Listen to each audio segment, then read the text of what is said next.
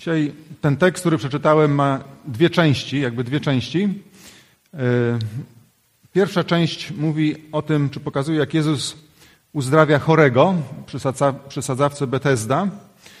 I tam jest ukazany kontrast pomiędzy ludzkim przesądem a działaniem Bożym. Druga część mówi o negatywnej reakcji y, Żydów, wyznawców judaizmu na to uzdrowienie. Bardzo negatywna reakcja. I tutaj widzimy kontrast pomiędzy legalizmem a Bożym działaniem.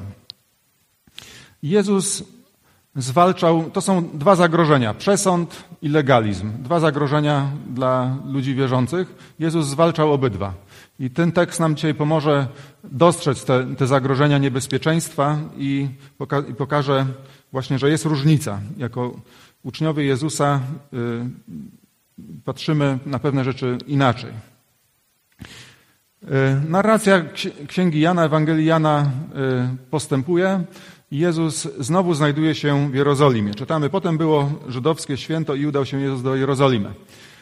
E, apostoł Jan nie pisze nam dokładnie, jakie to było święto, chociaż tam znajduje się e, w greckim tekście zaimek, e, czyli jest napisane było to święto. Jakby zwrócona, zwrócona uwaga, że, że to najważniejsze święto. Oczywiście najważniejszym świętem dla Żydów Żydzi mieli trzy, trzy biblijne święta, jeszcze dwa takie dodane, Purim i Hanuka, ale tym najważniejszym świętem to było, to było święto Paschy. Y, nie ma stuprocentowej pewności, że akurat to było święto Paschy.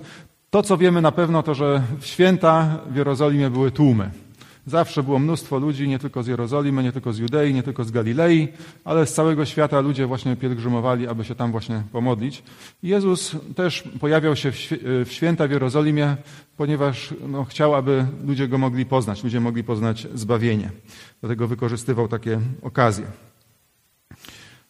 I dalej czytamy tak. A jest w Jerozolimie przy owczej bramie sadzawka, zwana po hebrajsku Betesda, mająca pięć krużganków. I ta sadzawka to był taki rodzaj basenu, czy raczej dwóch basenów oddzielonych od siebie groblą. Występuje też to miejsce już w Starym Testamencie. Ono jest położone na północ od, od Jerozolimy. Gdzieś wtedy to były jakieś takie peryferia. Nazywało się wtedy Górnym Stawem to miejsce. Yy, I tam yy, jest, jest jakby taka niecka, w której po deszczach płynie woda i y, przedzielono tą dolinę czy tą nieckę groblą. I jak wiadomo, w Jerozolimie, w ogóle w tamtym klimacie jest problem z wodą. Woda jest na wagę złota i tą wodę starano się właśnie gromadzić w ten sposób. I później oczywiście została zabudowana, ta, ta sadzawka zabudowana i wyglądała mniej więcej tak, że były dookoła cztery takie kolumnady i pośrodku była grobla, na której też była kolumnada, czyli razem było pięć, pięć krużganków tak jak tutaj, o tak, tak sobie to wyobrażają, czy według Wikipedii tak to miejsce mogło wyglądać. Gdzieś były te krużganki dookoła i pośrodku właśnie ta grobla. I to miejsce mogłoby się wydawać piękne i wspaniałe i miłe w tym klimacie takim gorącym, gdzie, gdzie właśnie to, te, te zadaszone krużganki dawały troszkę cienia e, przed słońcem, przed spiekotą. Wydawałoby się to miłe i przyjemne. Gdyby nie to, e, co tam się działo. i kto tam był. Bo czytamy dalej, że w nich leżało, w tych krużgankach, y, mnóstwo chorych, ślepych, chromych i wycieńczonych. Czyli to było takie miejsce, można powiedzieć, to był taki jakby szpital, szpital dla ubogich. Mnóstwo obłożnie chorych ludzi, kaleków, którzy liczyli na uzdrowienie. Większość prawdopodobnie biedna. I gdybyśmy sobie mieli wyobrazić, jakoś tak przybliżyć to miejsce, no prawdopodobnie właśnie były te materace, niekoniecznie e, może dobrze pachnące, może jakieś zatęchłe, jakieś wózki, jakieś protezy, jakieś jęki ludzi cierpiących, jakieś modlitwy gdzieś szemrane czy, czy krzyczane, wypowiadane. To nie było miłe miejsce. Ludzie raczej nie chodzili w takie miejsca, jak dzisiaj pewne miejsca ludzie też niechętnie, niechętnie chodzą. Taki szpital, można powiedzieć, dla najuboższych.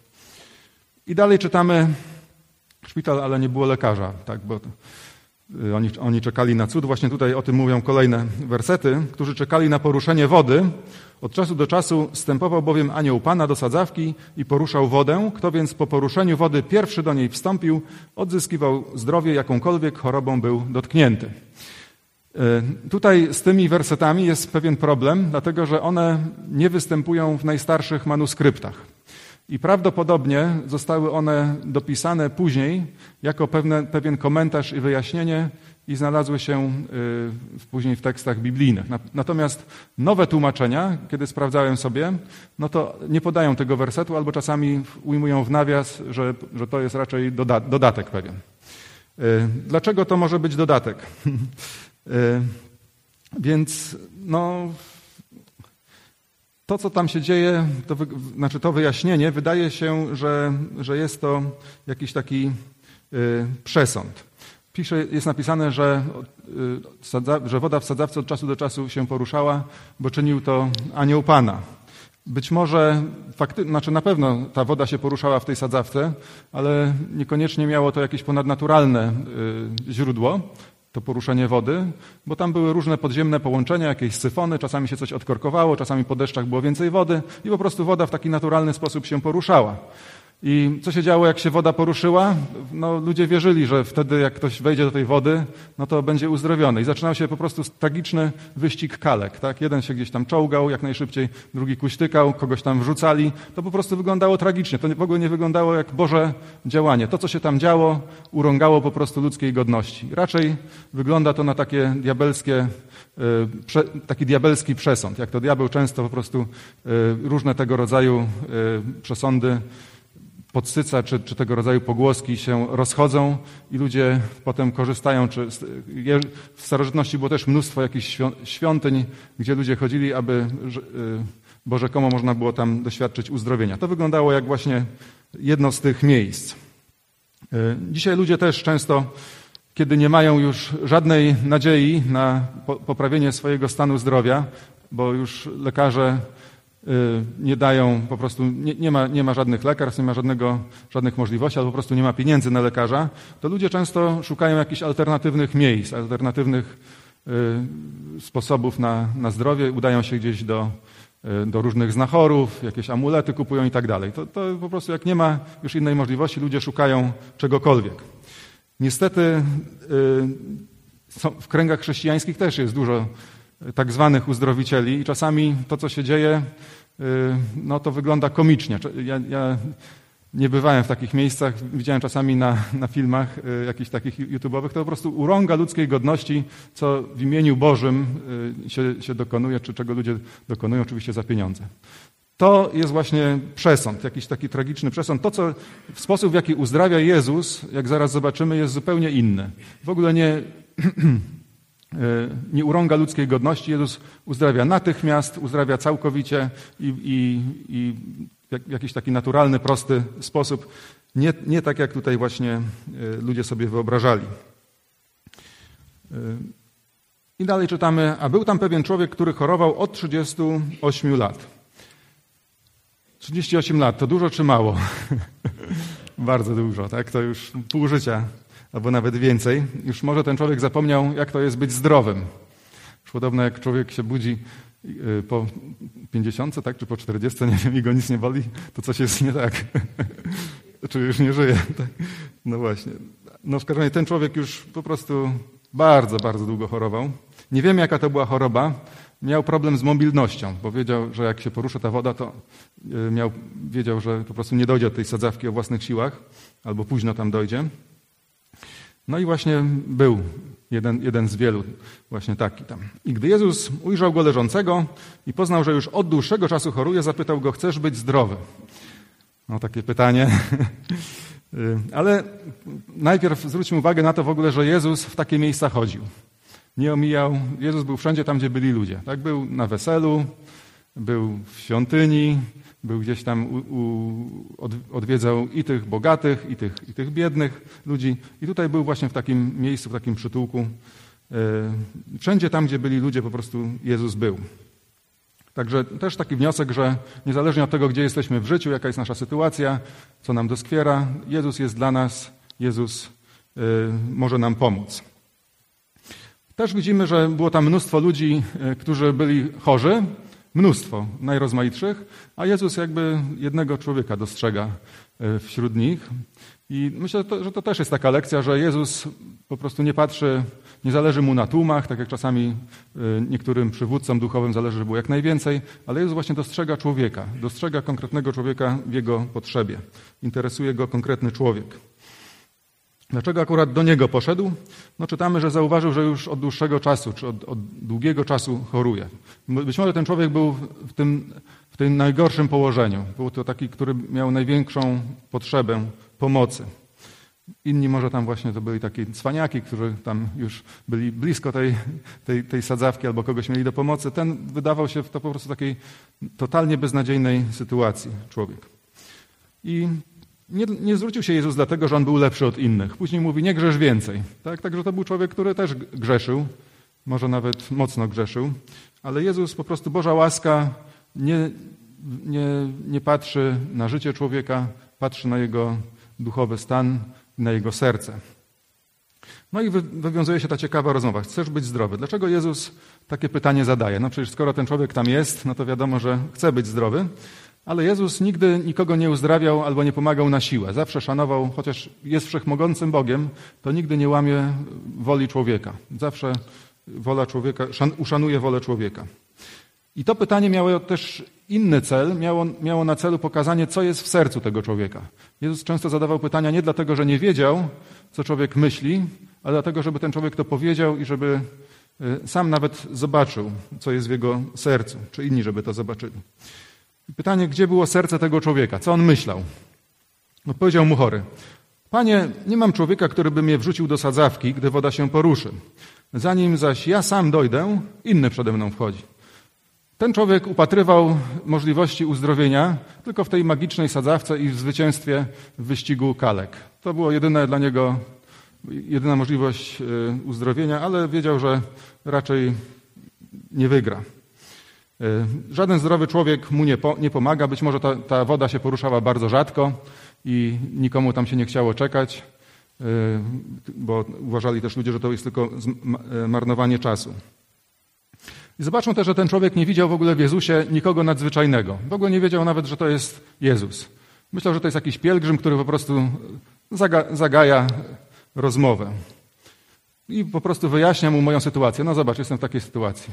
No już jestem po prostu raczej w sytuacji, chciałbym być zdrowy oczywiście, no ale co, co zrobić?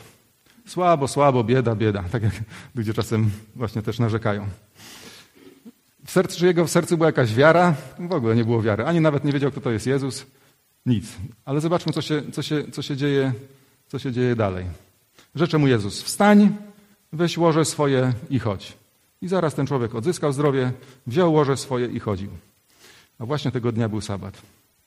I Jezus wypowiada tylko jedno słowo i ten człowiek natychmiast całkowicie w stu procentach zostaje uzdrowiony. Nie potrzebował żadnej rehabilitacji, nawet mógł wziąć ten swój materac i, i chodzić. Czyli uzdrowienie Jezusa jest natychmiastowe, stuprocentowe i całkowite. Jest wielka różnica pomiędzy uzdrowieniem Jezusa a jakimiś przesądami czy zabobonami. E, często ludzie, kiedy są te zabobon, chodzą gdzieś do znachorów, to ci znachorze każą im robić jakieś różne rzeczy dziwne, jakieś, jakieś praktyki. Nie. Biblia mówi, że mamy cudownego Boga, lekarza. Oczywiście korzystamy też z pomocy medycznej. To, to jest to wszystko, co Bóg ludziom objawił, z czego ten zasób wiedzy, z którego możemy korzystać, naturalne sposoby różnego rodzaju. E, wiedza, którą posiadamy, to jest też dar od Boga, z którego możemy korzystać ale możemy się też modlić do Boga i nie trzeba y, nie wiadomo jakich zabiegów, jakich sposobów, jakich sztuczek czy zaklęć, żeby, żeby na Bogu zrobić wrażenie. Nie trzeba gdzieś tam jeździć, po prostu wystarczy, że się pomodlimy. Bóg słyszy nasze modlitwy. Nie, Biblia mówi, że jeżeli ktoś choruje, można wezwać starszych, starszych zboru, czy kogoś, kogo znamy, komu ufamy, żeby się pomodlił, ale nie musimy nie wiadomo czego robić, nie wiadomo gdzie jeździć i gdzie chodzić, żeby, żeby szukać Bożej pomocy. Bóg słyszy naszej modlitwy i Bóg nie zawsze wysłuchuje też. Apostoł Paweł trzy razy się modlił, żeby miał jakąś tam dolegliwość, no i usłyszał nie, nie, nie. I to była Boża wola dla niego, żeby z tym właśnie problemem żył i, i trzeba się z tym pogodzić. Y, problemem nie jest brak wiary, że Bóg nie słyszy naszych modlitw. To, że się modlimy, już jest wyrazem wiary. Ten człowiek w ogóle nie miał żadnej wiary. Był jak kłoda drewna, nie wiedział w ogóle, kim jest nawet Jezus. Nie był problemem też grzech tego człowieka, ponieważ Jezus mówi nie grzesz więcej. To był człowiek, który był obarczony, jego sumienie było obarczone grzechem. Boża łaska nie zważa na grzech, działa pomimo grzechu. To, co jest ważne, to jest po prostu proste zaufanie Bogu. Bóg słyszy nasze modlitwy i nie trzeba na nim próbować robić jakiegoś szczególnego wrażenia. Tutaj to, co jest zastanawiające, to dlaczego Jezus kazał mu wziąć swoje łoże. Weź swoje łoże. Y, po co takie, w ogóle coś takiego powiedział? Y, musimy wziąć pod uwagę kontekst, w którym to miało miejsce, y, to uzdrowienie miało miejsce. Był to, było to w Izraelu i tego dnia był, był sabat. I teraz postawmy się w sytuacji tego człowieka. Został uzdrowiony i co w naturalny sposób chciałby ten człowiek zrobić? po tym uzdrowieniu. Siedzieć tam jeszcze dalej i sobie nad tą sadzawką, sobie poleżeć tam? No na pewno nie. Jak najszybciej pójść do domu, tak? Do swoich, gdzieś, gdzieś bliskich e, rodziny, podzielić się, zobaczcie, jestem zdrowy, tą swoją radością. No ale był problem, bo był sabat, a w sabat nie wolno było nosić żadnych przedmiotów. Przynajmniej według tradycji, bo prawo Boże czegoś takiego nie nakazywało nakazywało oczywiście, żeby nie pracować, ale potem te wszystkie obrosło to prawo różnymi tradycjami i już nawet y, był zakaz noszenia czego, czegokolwiek, nawet jeżeli to tam było y, jakaś wyjątkowa sytuacja. Był bardzo rygorystycznie przestrzegany. Ostatnio właśnie byłem w Izraelu i mogłem na własnej skórze tego doświadczyć. Y, w sobotę, właściwie w piątek wieczorem po zachodzie słońca Wszystkie sklepy są zamknięte, przestaje działać komunikacja miejska. Y, no także lepiej wszystko już pozałatwiać sobie wcześniej, a potem jest y, amen. No ciekawe, że stacje benzynowe na przykład są otwarte, także jest pewna taka nie, nieścisłość, nie, brak konsekwencji. Skoro teraz już jest tak, taka, taki wielki, powiedzmy, rygor, no to o, o ileż bardziej było jeszcze w tamtych czasach. Y, jeszcze, jeszcze bardziej rygorystycznie podchodzono do tego sabatu. Tak więc gdyby ten człowiek chciał postępować zgodnie z przepisami obowiązującymi, no to powinien poczekać do zachodu słońca przy tej sadzawce i dopiero jak słońce zajdzie, no to mógł wziąć to łoże swoje, swoje łoże i pójść do domu, albo mógł zostawić to legowisko i pójść do domu, ale wtedy ktoś mógłby go to legowisko mu zabrać. Tak? A dla takiego człowieka to mógł być jednak, y, ubogiego człowieka to mógł być jednak y, ważna, ważny, ważna część majątku jego. Także to, co Jezus mu mówi, to było dla niego w pewnym sensie troszkę uwalniające, bo Jezus mu dał jakby przyzwolenie, zielone światło, że może, może w ten sabat wziąć to łoże i, i pójść, pójść do siebie, chociaż na pewno nie było to zgodne też z jego sumieniem, bo on był przyzwyczajony, wyćwiczony od dziecka, że w ten sabat to nic. Siedzieć tylko można gdzieś tam pójść kawałek i, i się modlić i, i, nic więcej. Także on troszkę nawet wbrew swojemu sumieniu musiał złamać swoje przyzwyczajenia, ale no, w tej euforii, w tej radości po prostu y, to czyni. Co się dzieje dalej? To też mówili Żydzi do uzdrowionego. Dziś sabat, nie wolno ci nosić łoża. Natychmiast nadział się na policję obyczajową, która, a ty co, co z tym łożem robisz tutaj, człowieku? Są, za, są oburzeni zachowaniem y, tego człowieka. I wywiązuje się ciekawa rozmowa. On zaś odpowiedział im: Ten, który mnie uzdrowił, rzekł mi: Weź łoże swoje i chodź.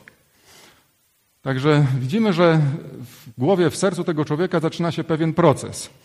Y, wiedział, że nie wolno mu nosić tego łoża w sabat, ale Jezus powiedział mu: Weź łoże, łoże swoje. I, i do jego, w jego sercu do, dochodzi do zmiany autorytetu. Dokonuje się taki przewrót. Już nie to, co mówi tradycja, nawet nie to, co mówi sumienie, ukształtowane przez tą tradycję, ale to, co mówi Jezus. I taka zmiana zachodzi w sercu każdego z nas, kiedy się nawracamy. Że coraz bardziej y, potrzebujemy słuchać tego, co mówi Jezus, a nie tego, co mówi y, jakaś, jakaś tradycja, nasze przyzwyczajenie czy nasze sumienie, które często bywa w zły sposób ukształtowane, w nieprawidłowy sposób. Ale Jezus jakby nam pokazuje, to co mówi Jezus jest najważniejsze. Ale zobaczmy, co oni na to. Pytali go, cóż to za człowiek, co ci powiedział, weź je i chodź.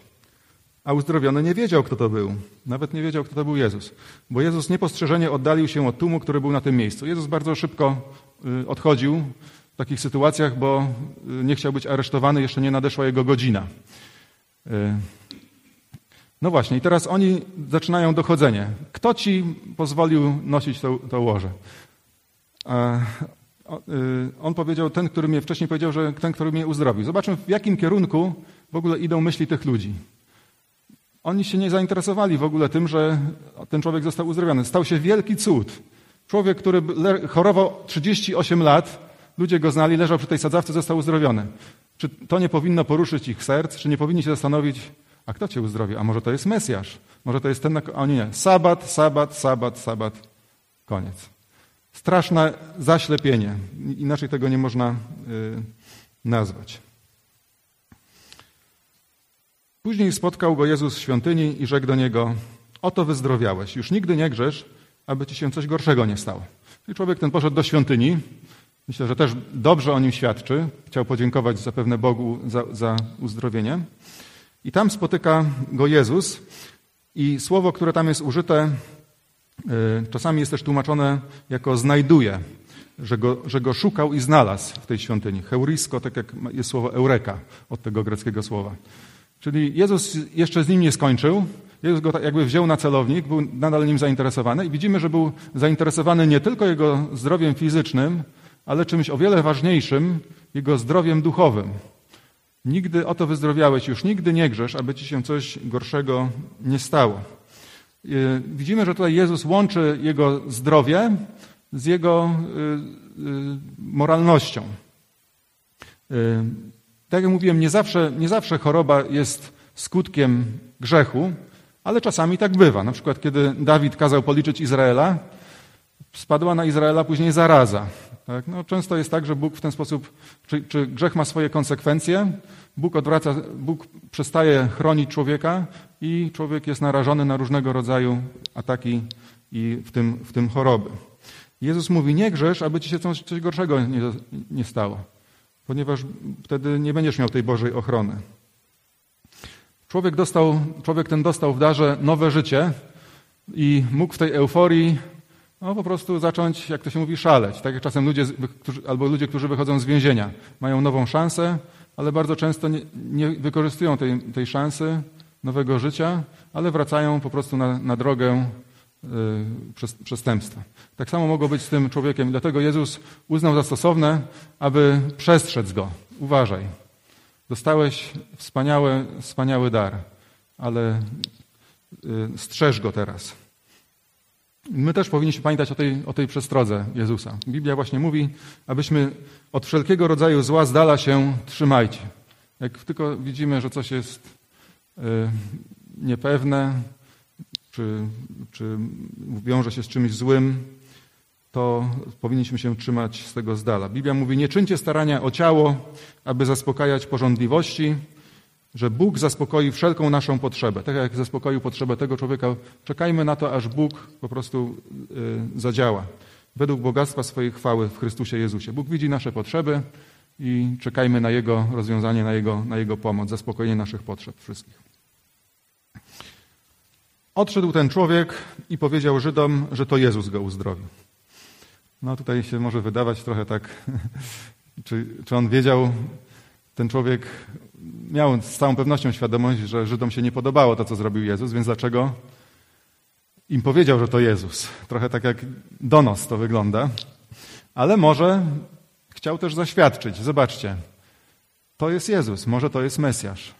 Może liczył właśnie na to, tak jak później też będzie e, ślepy człowiek, który też jakby konfrontował te elity żydowskie i mówił, nigdy jeszcze nikt nie otworzył oczy ślepemu od urodzenia. Może właśnie ten człowiek powiedział, zwróćcie uwagę, czy to nie jest Mesjasz? Ale skutek był odwrotny i dlatego Żydzi prześladowali Jezusa, że to uczynił w sabat. I tu w języku greckim, chyba też ukraińskim jest y, liczba mnoga. Nie, że to uczynił w sabat, ale że, że te rzeczy czynił w sabat. Czyli to nie było jedyne uzdrowienie, którego Jezus dokonał w sabat. W sabat Jezus często uzdrawiał y, i to się nie podobało bardzo właśnie. Dla Żydów Jezus był takim liberałem.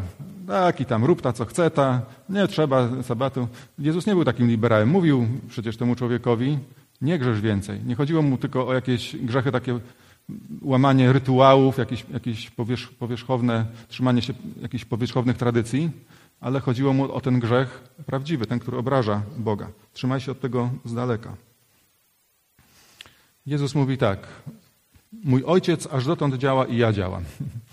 Wolą Bożą, wolą Ojca było to, żeby uzdrowić tego człowieka, nawet, nawet w sabat.